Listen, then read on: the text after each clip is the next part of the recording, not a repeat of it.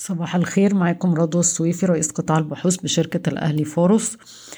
خلونا نخش على أخبار الاقتصاد الكلي. آه، إجمالي الناتج المحلي آه، حقق نمو بتسعة في المية في النصف الأول من العام المالي واحد وعشرين اتنين وعشرين وفي الفترة من آه، أكتوبر لديسمبر واحد وعشرين حقق نمو بتمانية وتلاتة من عشرة في المية على أساس سنوي.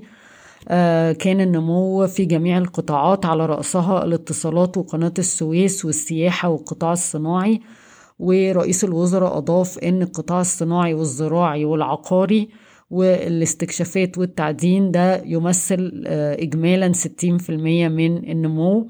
وكمان كان في مراجعة لأداء النشاط الاقتصادي قامت به الحكومة وده أضاف للأرقام 580 مليار جنيه. الحكومة قررت تمضي في عمليات الاكتتاب العام الأولي والثانوي لمجموعة من الشركات الحكومية في إطار برنامج الخصخصة.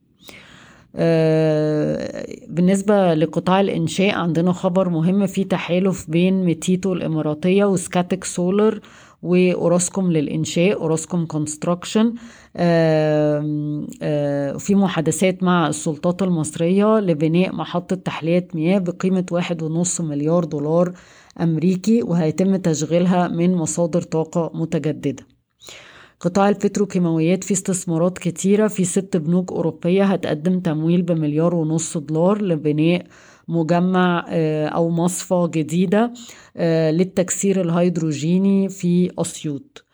أرامكو السعودية وقعت اتفاقية مع شركة البحر الأحمر الوطنية للبتروكيماويات ودي سيدي كرير عندها منها خمسة في المية لتزويد المجمع بالخام العربي الخفيف والمجمع ده هيتم إقامته في العين السخنة.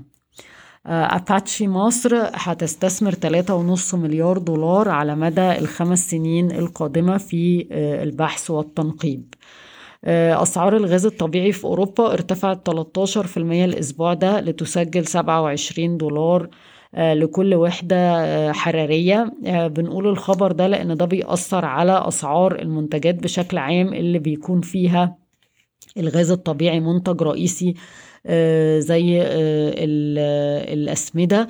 آه، ده طبعا بسبب التوترات بين روسيا وأوكرانيا. بالنسبة لأخبار البنك المركزي والإجراءات الجديدة للاستيراد سيتم إعفاء واردات السلع اللي بيصل قيمتها أقل من 5000 دولار وبعض المنتجات زي الأدوية واللقاحات ومنتجات الدواجن والأسمات وحليب الأطفال. يعني في بعض المنتجات هيتم إعفائها من القوانين الجديدة وكمان آه، هيتم تنفيذ القواعد الجديدة يوم 22 فبراير ومطلوب دلوقتي من البنوك خفض رسوم إصدارات خطابات الائتمان والقيام بإصدارها بسرعة أكبر بكتير من قبل كده ورفع حدود ائتمان العملاء علشان يقدروا إن هم يصدروا لهم خطابات ائتمان آه، للاستيراد.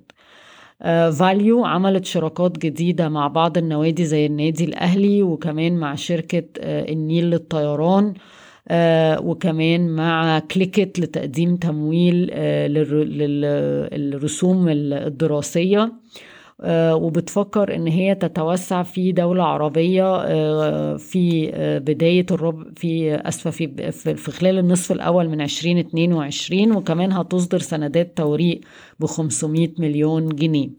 نتائج أعمال سبيد ميديكال في الربع الرابع كانت ضعيفة جدا. الشركة حققت خسائر 31 مليون جنيه مصري. السبب الرئيسي الخسائر في prime speed نتيجة لتسوية ونزاعات وفي نفس الوقت نزاع ضريبي وزائد إن الشركة بتدفع كل ضرايبها في الربع الرابع فما كناش بنشوف أي ضرايب قبل كده. دلوقتي شفنا كل الضريبة في الربع الرابع. آه، ده بالإضافة طبعا لانخفاض أسعار ال PCR test من 4 أكتوبر انخفضت من 25 آه، ل 40% تقريبا في مصر كلها. آه، شركة أدوية عايزة تستحوذ على آه، مصنع للأدوية بس مفيش تفاصيل لسه آه، عن الصفقة أو حجمها. بالم هيلز هتصدر صكوك بتلاتة وتلاتة من عشرة مليار جنيه لتمويل بادية ومن خلال بيع أسهم خزينة. وكولييرز بتتوقع آه، ارتفاع معدلات الإشغال في الفنادق في القاهرة والغردقة واسكندرية وشرم آه، من 60 ل 70% في عام 2022 ايجي ترانس مجلس الإدارة وافق على مقترح لإعادة هيكلة مجموعة الشركات حسب القطاعات. لزيادة التركيز الاستراتيجي والدخول في شراكات أو عمليات اندماج أو استحواذ على مستوى القطاع فقط مش لازم يكون على مستوى الشركة كلها زائد إن هو يقدر بالطريقة دي يدرج شركات تابعة في البورصة بشكل أسهل وممكن يضيف أنشطة جديدة أو ينشئ شركات جديدة تحت كل قطاع. بشكركم ويوم سعيد.